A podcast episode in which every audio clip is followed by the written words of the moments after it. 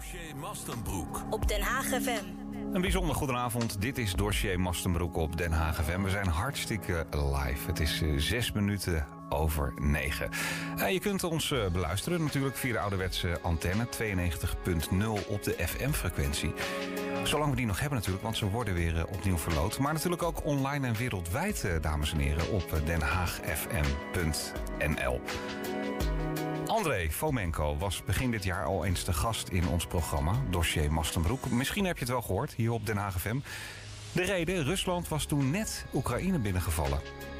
De Hagenaar komt oorspronkelijk uit Oekraïne en dat maakt zijn betrokkenheid natuurlijk extra groot.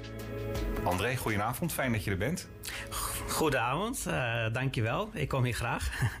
Ja, we dachten destijds uh, dat het natuurlijk maar een, uh, een, paar weken zou gaan duren. Maar inmiddels zijn we al nou ja, een half jaar verder, moet ik zeggen. En ja, je kunt je familie in Oekraïne moeilijk begrijpen, bereiken, zo, zo begreep ik. En we kunnen er ook niet te veel over zeggen.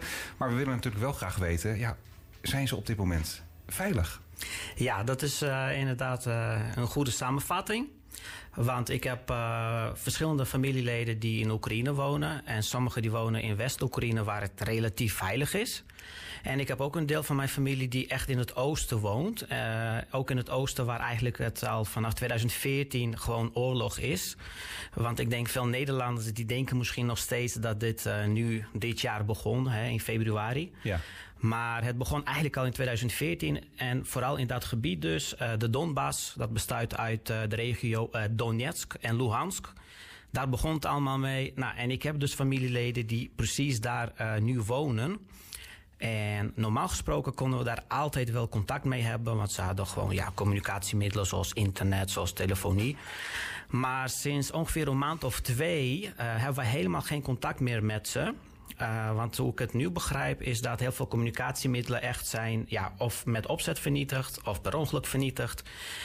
Uh, dus met die familieleden één op één kunnen wij geen contact mee hebben.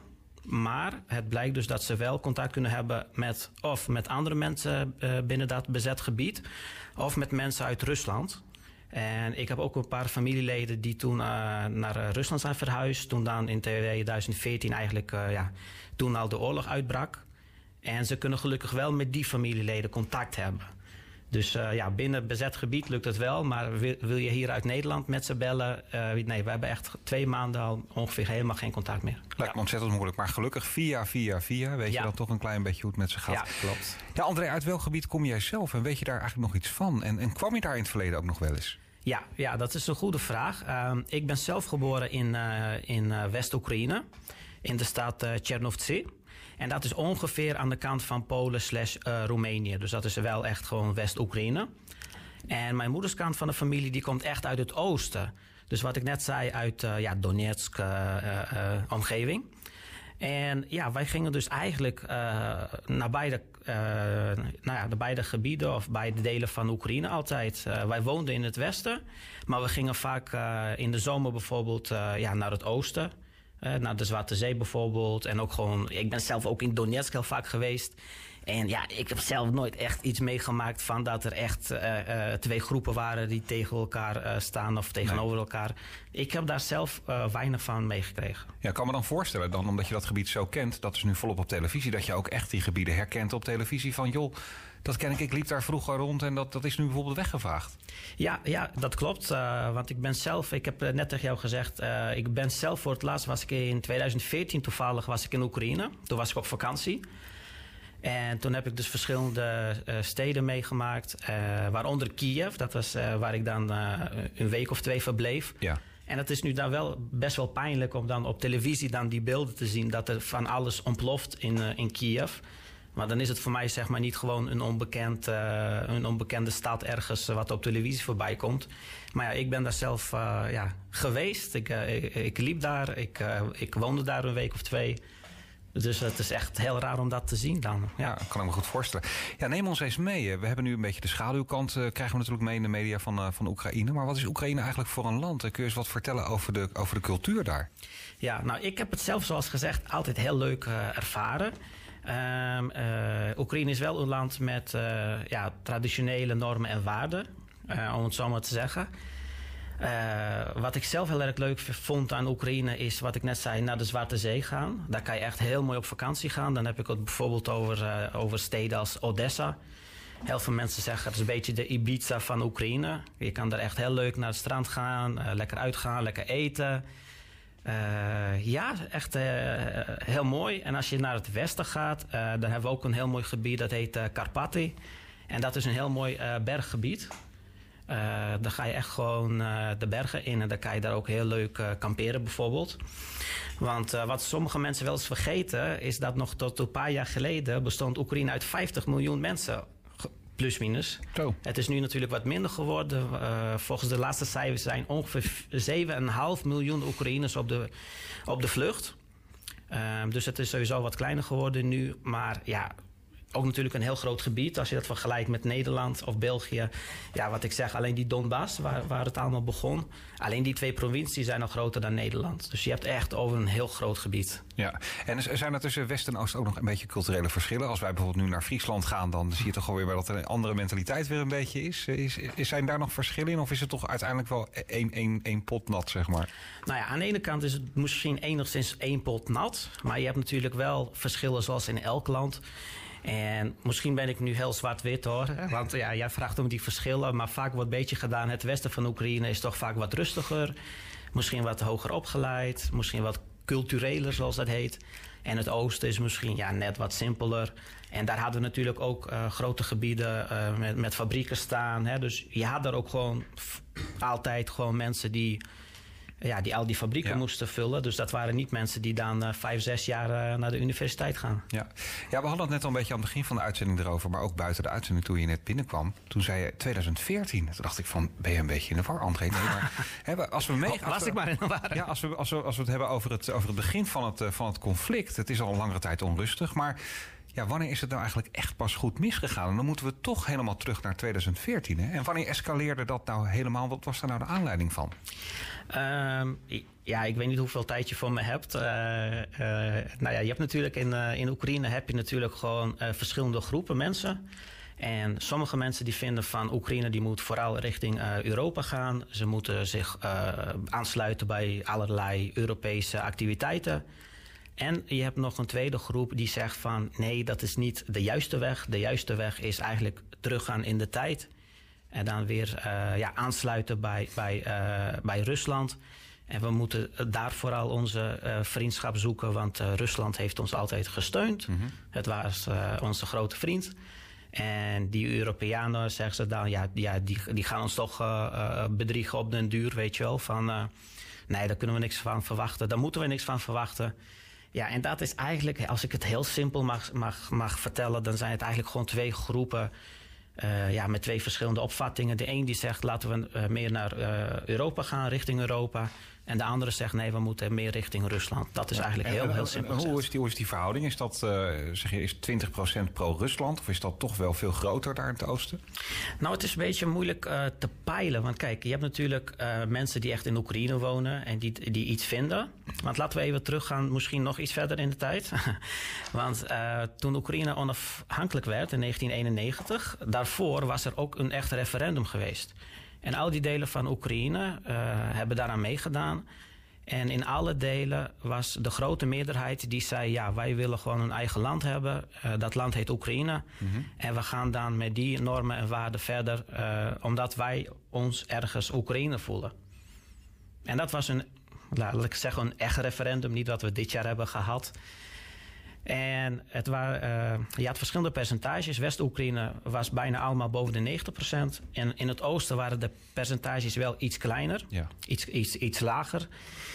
Maar dat was nog steeds boven de 70%. Dus je had alsnog een grote meerderheid van bijna 75% van elke provincie in Oekraïne die zei: wij willen onafhankelijk worden en wij willen als Oekraïne verder gaan. Dus ja, die verschillen die waren er. En, en natuurlijk was niet 100% voor, voor optie A of optie B. Maar de grote meerderheid heeft gezegd: uh, wij voelen ons Oekraïner en wij willen verder als een onafhankelijk land Oekraïne. En dat is eigenlijk sinds 1991 ging dat redelijk. Het was altijd wel een klein beetje onrustig natuurlijk in het, in het oosten. Ja. Maar wat heeft dan uiteindelijk nou ja, Poetin doen besluiten om, om het toch daar te laten ontploffen? Ja, ja ehm, wat ik zei van, er waren eigenlijk ja, gewoon twee groepen in, in Oekraïne. En de een die zei van we moeten dus richting, richting Europa. En er was toen ook op een gegeven moment ook een een verdrag, ja, of bijna ondertekend, of wel ondertekend uh, uh, door de Oekraïense president, of die zou dat moeten ondertekenen. Ja. En iedereen ging in, in Oekraïne ervan uit dat hij dat gewoon zou doen. En dan op het laatste moment zegt hij van nee, ik ga het niet doen. Ik ga een associatieverdrag aan met Rusland. Ja. Nou, en dat was echt gewoon, wat, ja, toen, toen zeiden echt heel veel Oekraïners van nee, we laten ons niet be, uh, bedriegen of belazeren. we hebben heel duidelijk gezegd van wij willen richting Oekraïne. Eh, richting Europa met Oekraïne. En er was, kwam ook een associatieverdrag. Eh, en iedereen dacht, Oekraïne gaat hem ondertekenen. En echt op het laatste moment zei, zei de president van toen... Uh, ik ga het niet doen. En toen brak eigenlijk uh, brak alles, uh, ja, de, brak de hel los. Ja, en we hebben natuurlijk ook nog, laten we niet vergeten... de Krim natuurlijk, waar het natuurlijk toen ook al mis Nou, en dat was dus eigenlijk, was dat volgens mij in hetzelfde jaar... als ik het goed herinner. Juist omdat uh, Poetin zei van ja, wacht even. Uh, want die president die toen daar was, die was echt pro-Rusland. Ik bedoel, dat was geen geheim. En hij werd toen eigenlijk werd hij op een gegeven moment gewoon weggejaagd. Hij, heeft toen ook gewoon, hij is toen naar Rusland gevlucht. En in die periode, toen er eigenlijk geen regering was, niemand wist van oké, hoe gaan we nu verder? Uh, verkiezingen die moesten nog komen. De president die is gevlucht. Ja, en toen dacht Poetin van, hey, dit is mijn moment. Er is nu niemand die de leiding heeft. En nu ga ik even een heel mooi stuk land even inpikken. En daar begon het eigenlijk mee. Daar begon het eigenlijk mee. En dat was allemaal eigenlijk in hetzelfde jaar. Ja, want uh, ja, die president uh, was gevlucht. En toen dacht Poetin, dit is mijn moment. Ja. Je had een, uh, nee, ik wou zeggen een mooie anekdote, maar je had in elk geval een anekdote um, over het leven uh, uh, voor de oorlog, maar ook wel het leven in het oosten in, in spanning. Dat familieleden van jou s ochtends naar de bakker gingen en dat ze daar een, een ja. Russische militairen zagen, maar eigenlijk helemaal geen idee hadden dat er een inval was, want dat was eigenlijk redelijk normaal dat ze daar, dat ze daar rondliepen. Wat kun je ons eens vertellen hoe, nou ja, laten we eens een, een momentum pakken, sinds 2014 tot aan het moment van de, van de bezetting. Hoe, zag het leven daar in het oosten eruit? Was er altijd die enorme Russische invloed daar toch aanwezig? Nou ja, op een gegeven moment, wat er toen ook gebeurde van... Op een gegeven moment zei dus de nieuwe regering van, van Donetsk en, en Luhansk... Uh, die zeiden op een gegeven moment, nou ja, wij zijn nu onafhankelijk... maar wat kreeg je toen? Toen kreeg je dus het probleem van wie gaat dan de lonen van de mensen betalen? Wie gaat de pensioenen betalen? En ik heb daar dus meerdere familieleden die al met pensioen zijn. Ja. En dan uh, gaan die mensen, die gaan dus naar die nieuwe regering. Ze zeggen, hé, hey, ik heb geen pensioen gehad. Het is inmiddels tijd hè, voor mijn pensioen. Uh, die moet binnenkomen. En dan zeggen ze, ja, maar wacht even. Jullie hebben in Oekraïne gewerkt. En zij moeten dan jullie pensioen uitbetalen. En dan gaan die, steken die mensen bij wijze van de grens over. Dan gaan ze naar de Oekraïnse regering. En dan zegt de Oekraïnse regering... wij hebben niks met jullie te maken. Jullie zijn nu ja. onafhankelijk. Jullie zijn bij ons weggegaan. Jullie willen geen Oekraïne zijn. Dus je had toen echt een soort van weer zo'n zo'n zo'n gebied met ja, wie heeft eigenlijk de leiding en, en wie zorgt eigenlijk voor dat er ja, brood op de plank komt. Ja, en wel de lust en niet de lasten willen ja, bedragen natuurlijk. Ja, dus op een gegeven moment, ja, al die mensen die wel of niet voor, voor die republiek hadden gestemd. Uh, niet dat ik denk dat dat eerlijk was uh, gegaan, los daarvan. Ze, ja, op een gegeven moment dachten ze van, ja, waar zijn we eigenlijk aan begonnen? We hebben in elk geval kunnen zien dat het ooit uh, dat het ook ja, dat een, een, een, stuk drama ook mooie dingen teweeg kan brengen. Er is uh, vooral in beginsel zijn er heel veel acties geweest uh, vanuit, vanuit Nederland. Heel veel steun, ook natuurlijk opvang nog steeds. Maar ik merk wel een beetje dat het, het cupcakes bakken voor Oekraïne, het hardlopen voor Oekraïne, dat het een beetje afzwakt. Ben je niet bang dat, ik merk zelfs wel een beetje irritatie zelfs bij mensen, ook als het gaat over opvang van, van vluchtelingen uit Oekraïne. Ben je niet bang dat het een een beetje een vergeten oorlog gaat, uh, gaat worden? Um, nee, dat denk ik eigenlijk niet. En ik heb daar uh, een aantal redenen voor. Want als, als, als ik bijvoorbeeld vooral kijk naar de politiek en naar de verschillende landen. Ik merk wel dat in ieder geval de leiding van heel veel Europese leiding zegt van hé, hey, uh, wij vergeten dit niet. Wij nee. weten dat er iets bezig is. En ik ben ook eigenlijk uh, heel erg blij dat heel veel van die Europese leiders zeggen van wij gaan hiermee verder zolang het nodig is. En ik was zelf een beetje bang voor de Italiaanse regering. Ik weet niet of je dat een beetje volgt. Ja, maar zeker. Die hebben natuurlijk een hele rechtse regering ja, gekregen. Ja. ja, en daar zit ook bijvoorbeeld een meneer Berlusconi in. En die heeft altijd gezegd van Italië moet stoppen met al die sancties. En Poetin is zo erg nog niet. En ik was zelf eigenlijk wel een beetje bang dat ze dan misschien wat minder zouden gaan doen. Maar ik ben wel heel blij dat die, dat die nieuwe premier uh, dat die eigenlijk wel gewoon uh, op dezelfde voet verder gaat. En volgens mij zelfs gaat zij uh, nog een stapje verder. Want ik heb nu al de laatste weken gezien dat, dat Italië nu nog meer dingen doet voor Oekraïne. Van nog meer materiaal sturen. En daar ben ik heel blij mee. Ja, en niet onderschattend natuurlijk ook. ik had het misschien in eerste instantie niet verwacht. Maar dat Erdogan natuurlijk ook vanuit Turkije daar een behoorlijke druk op zet. Ja, ja, ja, ja daar, heb je helemaal gelijk in. Want Turkije, ja, ik weet eerlijk gezegd weet ik nog steeds niet helemaal wat ik van hem moet vinden. Want de ene week lijkt het alsof hij de redder is van Oekraïne. Ja, we hebben natuurlijk die drones die uit Turkije komen. En hij zegt, ik wil ook een dronefabriek in Oekraïne bouwen. En Oekraïne zijn onze vrienden. En dan even later eh, sluit hij weer bepaalde deals af met, met Rusland en met Poetin. En dan denk ik van ja, eh, is het, is het niet A of B? Maar bij Erdogan is volgens mij heel vaak C of zoiets. Ja. Ja, en dan eh, als we ook kijken naar. we hebben natuurlijk een groot hart voor, voor Oekraïne. Maar ik moet ook zeggen dat als ik. er zijn natuurlijk heel veel filmpjes. het is ook een bizarre oorlog die je gewoon echt op social media gewoon kunt, kunt volgen. Je ziet drones bijna live gewoon, gewoon vallen. Ook gewoon op Russische jongens die nou, eigenlijk geen idee hebben soms waar ze terechtkomen. Die denken dat ze nog een stukje training krijgen. Gewoon onvoorbereid, gewoon als kanonnenvuur uh, het veld in worden, worden gestuurd. Hebben we natuurlijk al snel over de mobilisatie van 500.000 Russen mannen die min of meer gedwongen worden om te vechten aan het front. Wat, ja, wat, wat, wat vind je daarvan? Ze staan natuurlijk in jouw verhaal aan, aan de verkeerde kant van het verhaal. Maar ja. Wat, ja. wat vind je ervan, van de mobilisatie? En, en, en ja, jongens die ook maar gewoon naar voren worden gestuurd. Um, ja, ik, ik, ik vind wel dat, dat die hele mobilisatie aan heel veel, uh, uh, op heel veel momenten gewoon niet helemaal deugt. Want in eerste instantie hebben ze gezegd van dit zijn mensen die of in het leger zijn uh, geweest, of ze hebben bepaalde trainingen in het leger gevolgd. Dat zijn de mensen die in eerste instantie zouden worden opgeroepen. Vervolgens kreeg je heel veel berichten op internet van mensen die zeggen: Ik heb dat nooit gehad. En daarbij zeggen ze ook van: Ik heb ook een bepaalde chronische ziekte. Ik heb ook bepaalde aandoening. Ik kan helemaal niet in het leger gaan. Ik kan helemaal niet vechten. Waarom ben ik opgeroepen? En er zijn ook mensen die op, bepaal, op een oudere leeftijd zijn. Die zijn ook gewoon opgeroepen. En ja, je hebt ook gewoon echt van. Er zit echt van alles en nog wat bij. En ze hebben natuurlijk nu ook dat ze dan langs de gevangenissen gaan om nieuwe, nieuwe soldaten oh, uh, te vinden en mee te nemen. Dus als ik kijk van ja, wat voor mensen daar nu tussen lopen, dan denk ik van ja, gaat dat echt helpen? En nou, ze komen bijna letterlijk nog geen centimeter verder op dit moment. Uh, als je kijkt naar de verschuivingen daar. Ja, ja, ja, daar heb je helemaal gelijk. En we zien de laatste maanden eigenlijk vanuit de Russische kant bijna geen verandering. Ze zijn de, eigenlijk ook de laatste maanden zijn ze alleen een heel klein beetje dichterbij gekomen bij de staat Bakhmut. En ja, dat is eigenlijk het enige. En het laatste nieuws was volgens mij vorige week dat, zij, uh, dat, Oekraïne, dat Oekraïnse soldaten, ook de Russische soldaten zeg maar, uit Bakhmut, zelfs uit de, uit de, uit de buitenwijken hebben, hebben ja, weg, weggejaagd. Heet dat zo? Weet ik niet. Weggejaagd. Dus eigenlijk hebben ze Bakhmut nu ook helemaal niet meer, ook niet eens de buitenwijken meer in handen.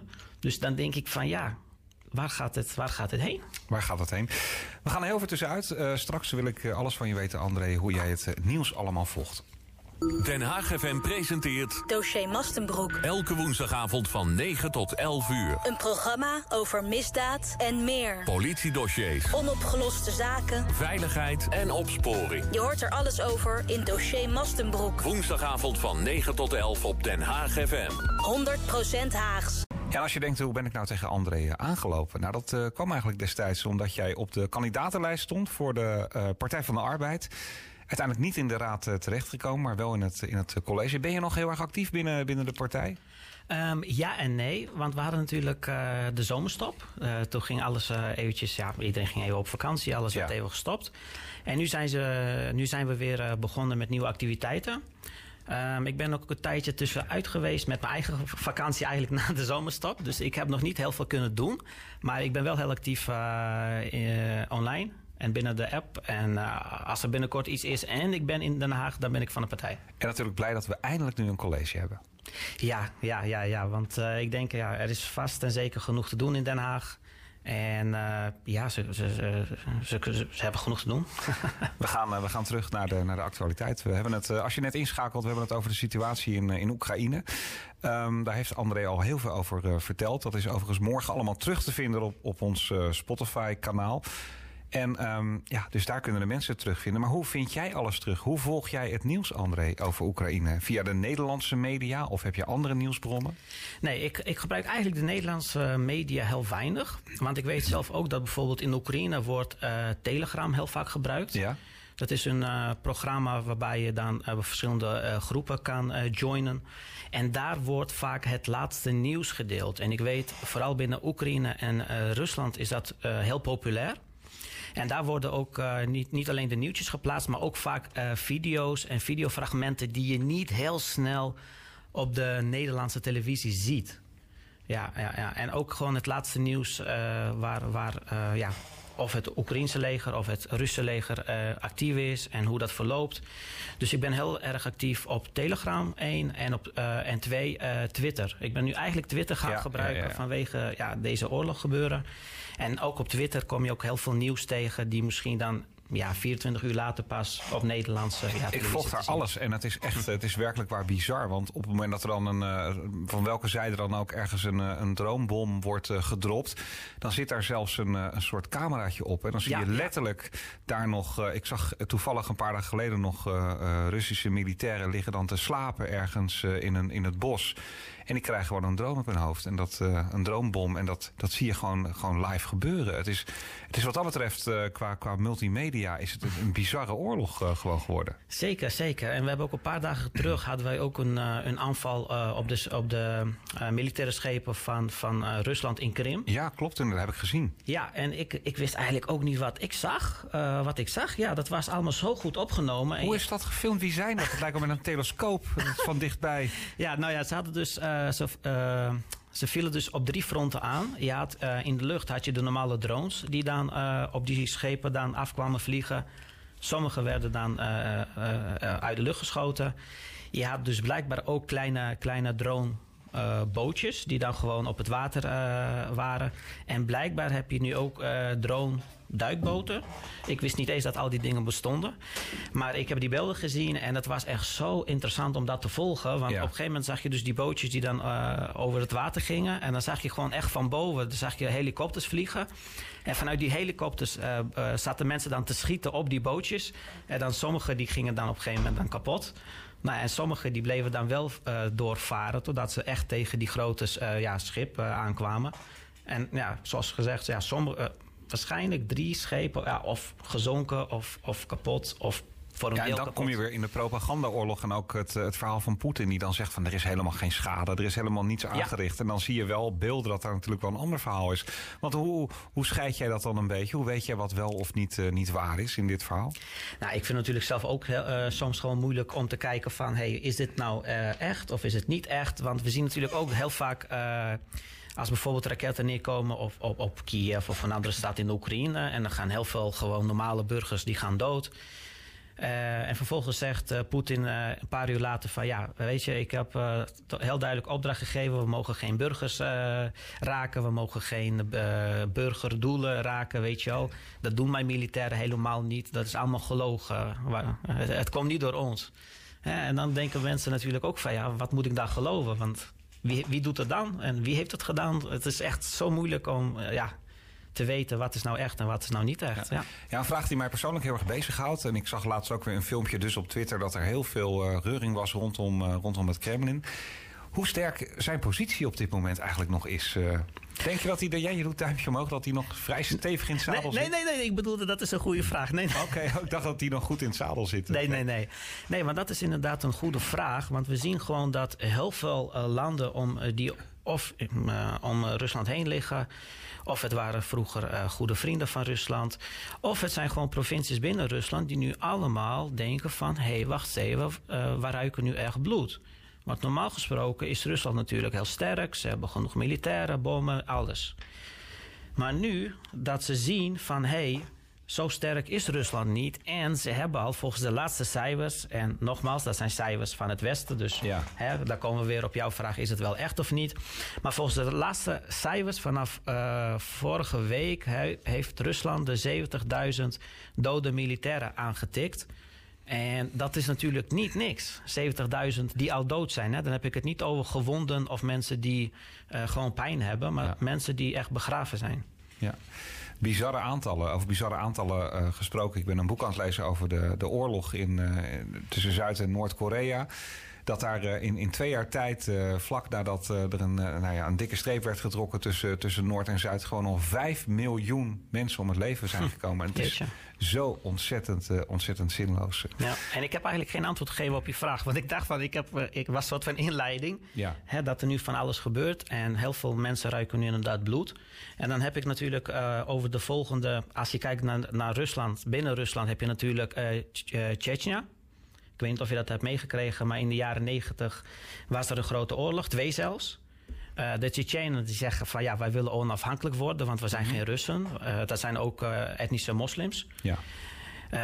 Dus die zeggen van, hé, hey, misschien kunnen wij nu onafhankelijk worden. Dan heb je natuurlijk ook nog Dagestan. zijn eigenlijk ook ongeveer dezelfde mensen, Ja. moslim achtergrond. Eigenlijk helemaal niet Russisch, zoals, zoals Russen dat zijn. En je hebt natuurlijk om Rusland heen, heb je natuurlijk Kazachstan. Die durft nu voor het eerst soort van een grote mond te hebben. Dat hebben we ook nog nooit gezien. Ja. Want Kazachstan heeft bijvoorbeeld gezegd van al die eh, onafhankelijke republieken of annexaties in Oekraïne, dat doen we niet aan mee, want Oekraïne is en blijft Oekraïne. En dat had ik nooit verwacht, dat een land als Kazachstan tegen Rusland zou zeggen, wij gaan niet met jullie mee. Nee, en volgens mij ook gewoon recht in zijn gezicht. Want er Ja. was eh, van de week of vorige week een, is er ook een audiëntie weer geweest bij, eh, bij Poetin. Ja. Toen hebben ze dat eh, gezegd, misschien wel met knikkende knieën, maar het is wel, Zeker. het is Ja. wel gemeld. dus, maar hij, laten we dan zo zeggen dat, dat, dat er, er wordt gezaagd aan, aan de stoelpoten. Zeker. En als ik nog één voorbeeld mag geven, want hè, mensen moeten niet denken dat ik zomaar wat zeg. We hebben natuurlijk ook het conflict, wat eigenlijk ook nooit is opgelost tussen Azerbeidzjan en, en, en Armenië. Ja. Normaal gesproken, als Azerbeidzjan iets te ver gaat, dan komt Rusland en dan wordt dat heel snel opgelost. Dan zegt Azerbeidzjan: Oké, we zijn te ver gegaan, wij gaan nu eventjes stoppen. Maar nu zie je dat zij ook gewoon weer dat conflict beginnen, ja, een beetje weer op te laaien van. Wat gaat Rusland nu doen? Want Ja. Rusland die zit bijna met al die mensen in de Oekraïne. Wie gaat ons nu tegenhouden? Ja. En dan heb je nog natuurlijk China, waarvan heel veel mensen eh, zeggen en denken dat dat eh, een goede vriend is van Rusland. Maar China had natuurlijk ook gebieden die nu eh Russisch zijn. Denk bijvoorbeeld aan Vladivostok, helemaal in het oosten, eigenlijk gewoon tegen China aan. Denk bijvoorbeeld aan delen van Siberië, waar ook gewoon etnische ja, Chinezen, Aziaten wonen, die eigenlijk ook helemaal niks met Rusland te maken hebben. Ik hoor nu ook mensen langzaam de, verluisteren van: hé, hey, misschien gaat China helemaal niet naar Taiwan toe. Misschien gaan ze eerst delen van Rusland inpikken, want nu kan Rusland toch niks terug doen. Oké, dat is een aparte analyse inderdaad weer. En ik denk ook dat, dat China helemaal geen zin heeft in eh, Amerikaanse sancties en dergelijke. Precies, want Amerika die is gewoon nog op 100% sterkte. Maar Rusland, nou wat zullen we zeggen? 50, 60, 40? Ja. Weet ik niet. Ja, ehm, als we teruggaan een beetje naar de, naar de saamhorigheid eh, die wij hebben getoond eh, in, eh, in het begin van, van de oorlog, vraag ik me af wat luisteraars op dit moment misschien nog kunnen doen. Kunnen ze een steentje nog bijdragen? Is er bijvoorbeeld nog behoefte aan, het wordt weer kouder ook natuurlijk, hè, kleding, eten, opvang, voor zover dat, eh, dat kan. Ehm, is, is dat een zorg die leeft ook in je vaderland, dat het weer koud gaat worden? De verwarming is natuurlijk volledig uitgevallen, stroomvoorzieningen, communicatie. Is dat iets wat jij ook terug hoort? Ja, dat, eh, dat hoor ik zeker. Want ik volg ook, wat ik net zeg, ik volg ook eh, op Twitter allerlei berichten van mensen die gewoon ja, hun eigen filmpjes plaatsen. En eh, ja, daar zijn ze nu wel bang voor inderdaad. Want eh, eh, ik, Oekraïne die heeft warme zomers, maar ook koude winters. Ja. En iedereen is nu wel bang van het is nu herfst, maar je ziet dat het nu ook al heel snel kouder wordt in Oekraïne. En we zitten al begin november, ik denk nog twee, drie weken. En dan gaat het waarschijnlijk richting nul of nog kouder. Dus iedereen eh, is nu echt heel erg bang van eh, wat gaat er gebeuren met al die eh, ja, energiecentrales enzovoort. Worden ze op tijd weer herbouwd? Krijgen ze genoeg energie? Ik weet dat uh, Duitsland die heeft laatst uh, volgens mij tien van die grote generatoren gestuurd. Is dat het Nederlandse woord? Ja, dat zou goed kunnen, ja. Ja, ze, die dan energie kan opwekken. Uh, ja, dus dat is echt iets wat, ja, maar dat is denk ik niet echt wat de burgers kunnen doen, maar meer, de, meer overheden. Want het moeten echt gewoon ja, ja. grote, grote. Maar het is jou niet bekend dat er bijvoorbeeld nu een, uh, een noodzaak is als het gaat om, om truien, jassen, dat soort. Uh, dat nou, soort die is er natuurlijk wel, want mensen hebben het gewoon heel erg koud. Uh, dus ja, als, als mensen dat over hebben, uh, er gaan, uh, elke week gaan er bussen richting Oekraïne. Dus ik zou zeggen van, heb je nog een dikke trui waar je niks mee doet? Ik zou zeggen, doneer het aan Oekraïne. Waarvan ja. achter. Ja, en, en het is natuurlijk het is een, een, hele lastige vraag. Maar hoe moet het nu verder? Heb jij enig idee hoe we deze impasse kunnen doorbreken? Moet Oekraïne bijvoorbeeld, ik zeg het maar even, zijn verlies pakken en misschien wel het oosten afstaan? Dan zou het misschien wel eens rustig kunnen worden. Nou, en gelukkig denken Oekraïners daar anders over. Uh, want uh, er zijn natuurlijk ook heel veel gesprekken over. Van ja, hoe moeten we inderdaad verder gaan? Is het niet handiger om gewoon wat, uh, wat van die gebieden af te staan? Ik ben heel erg blij dat de Oekraïnse regering zegt van wij gaan daar niet aan beginnen. Sterker nog, ze zeggen van alles wat we zijn kwijtgeraakt, alles komt terug. En dan hebben ze het natuurlijk over Donbass. Ja. Dus dat gebied waar ik het over had, Donetsk en Luhansk. En natuurlijk hebben ze het over de Krim. Maar ze zeggen van de Krim uh, uh, was Oekraïens, dat is Oekraïens en het blijft Oekraïens. En uh, wij zullen geen 1 centimeter aan Rusland geven. Heb je een idee hoe lang dit nog gaat duren? Wordt het een, een gaan we snel hier uitkomen of wordt het een jarenlange strijd? Nou, ik denk niet dat het, dat het heel snel wordt opgelost. Maar ik denk wel dat we binnen een jaar gewoon een oplossing hebben. Want als je kijkt naar Rusland, de economie die valt echt helemaal in elkaar. Uh, er zijn volgens mij nu 1,2 miljoen mensen gevlucht sinds de oorlog. En dan niet voor de oorlog zelf, maar ook vooral voor de mobilisatie. Dat zijn allemaal mensen die nu weg zijn, die uh, dus niet meer bijdragen wat betreft met belasting, met, uh, met, met werken, wat dan ook. 1,2 miljoen mensen zijn gewoon Rusland ontvlucht. En we zien gewoon uh, alle mensen die iets met de economie doen, ze zeggen van de, de economie in Rusland die gaat binnen nu en vier à vijf maanden, uh, die gaat echt gewoon helemaal kapot. En aan de andere kant hebben wij Oekraïne die een, die een samenwerking is aangegaan met Amerika. En dan praat ik natuurlijk over de land lease. Mm -hmm. En ik weet niet wat de exacte cijfers zijn, maar wat ik heb gelezen gaat het waarschijnlijk om 40 miljard dollar. Waar, waar, waar Amerika Oekraïne bij gaat helpen. En dat gaat, dan gaat het over um, materiaal voor het leger. Maar dat gaat ook over bijvoorbeeld... Uh, wederopbouw. Ja, wederopbouw. En bijvoorbeeld uh, wat we net over hadden. Dikke truien, dikke jassen. Hè? Uh, eh, 40 miljard, daar kan je heel veel mee doen, Martijn. Ja, dat denk ik ook wel, ja. Het is ook wel nodig hoor. Je ziet hoe de, de, de, hele boel is kapot daar natuurlijk. Er zijn gewoon hele dorpen gewoon weggevaagd natuurlijk. Ja, ja, ja dat, dat, dat klopt. Want uh, het gaat niet alleen op, om uh, mensen die weg zijn. maar die mensen, als ze terug zouden willen komen... die 7,6 miljoen die nu dan naar andere landen zijn gegaan... ja, waar moeten ze naar terug? Want heel veel gebouwen die zijn kapot... Heel veel scholen die zijn kapot, uh, ziekenhuizen die zijn plat gebombardeerd. Die mensen die willen heel graag terug. Maar uh, Zelensky, de Oekraïense president, die heeft ook gezegd van kom tot lente niet terug. Want de winter in Oekraïne die zal koud zijn. Ja. En hoe, hoe, koud is de winter in Oekraïne? Hebben we het dan echt over hele strenge vorst en hele lage temperaturen? Ja, want nogmaals, uh, Oekraïne is natuurlijk heel groot. Je hebt West-Oekraïne die dan nou ja, tegen Polen aanzit. Maar je hebt natuurlijk ook Oekraïne die ja, tegen Rusland aanzit. En ja, min, min 10, min 15, min 20, dat is niet, niet uniek voor, uh, voor uh, Oekraïne. Laten we het uh, toch nog een beetje positief afsluiten, André. Oekraïne is natuurlijk een prachtig land. En stel dat de rust weer, en laten we hopen dat dat snel is, is, is teruggekeerd. en het toerisme misschien ook weer op gang komt. Waar moeten mensen dan absoluut eens een bezoek aanbrengen? Ja, ik, ik heb zelf ik heb één, één stad wat ik echt heel erg leuk vind. En, en eigenlijk is dat een, een, een, goede stad en een culturele stad. Dat is uh, Odessa. Odessa. En dat is een uh, mooie stad aan de Zwarte Zee. Uh, je kan er echt heel lekker eten. Je kan er ook lekker naar het strand gaan. Je, je, hebt daar de mooiste discotheken. Je kan er echt van alles doen. als, als de oorlog voorbij is. ik ga daar in ieder geval als eerste naartoe twee, drie weken is Odessa en dan ben ik weer helemaal opgeladen. Ja, ik denk dat uh, vooral toerisme dan inderdaad een heleboel geld uh, daar naartoe moet, uh, moet gaan brengen. En, maar jij vergelijkt het een beetje met het Ibiza, Ibiza, hè? Ja, Ibiza gevoel. ja, ja, ja, mensen zeiden vaak van Odessa, dat is eigenlijk de Ibiza van, ja, van het, van het Oost-Europa. Ja, je ook hele mooie discotheken, je hebt ook hele mooie stranden. Uh, super lekker eten, ook verschillende mensen. Want we hebben natuurlijk uh, ook uh, veel Roemenen die op vakantie daar naartoe gaan. We hebben natuurlijk de Turken, mensen uit Moldavië. Dus het zijn ook gewoon verschillende volkeren die daar allemaal bij elkaar komen. allemaal daar aan die zwarte mooie zee. Ik heb hem, de luisteraars kunnen dat niet zien tenzij je op de camera kijkt. Ik heb hem even opgezocht. Waarschijnlijk herken je wel je eigen YouTube-kanaal, ja. André.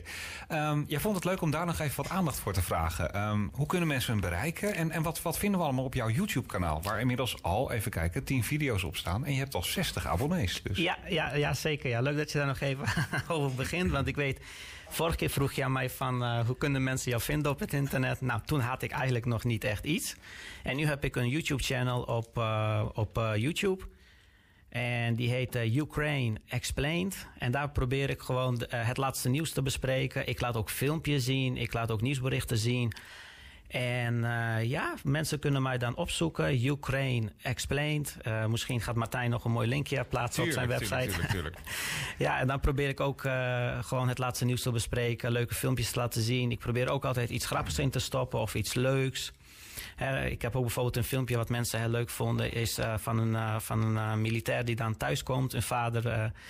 En dan dat kindje verwacht het natuurlijk niet. En dan draait hij zich gewoon. En dan denkt hij, hè, mijn vader is terug. Weet je wel. Dus ik probeer niet alleen zeg maar, ja de nare kant van de oorlog te laten zien van mensen die ja, het heel moeilijk hebben of mensen die doodgaan. Ik probeer ook altijd een beetje een soort van positieve kant van, uh, uh, op te zoeken. Ik wil niet zeggen dat oorlog positief is, maar ik probeer iets positiefs op te zoeken voor de mensen. Ja. Ik snap het. André, we gaan het, we gaan het linkje delen. Ik dank je voor je openhartigheid. Ik wens je natuurlijk, uh, jouw familie natuurlijk, uh, ja, alle gezondheid en een, een, veilige periode toe. Laten we hopen dat dat heel snel daar rustiger gaat worden.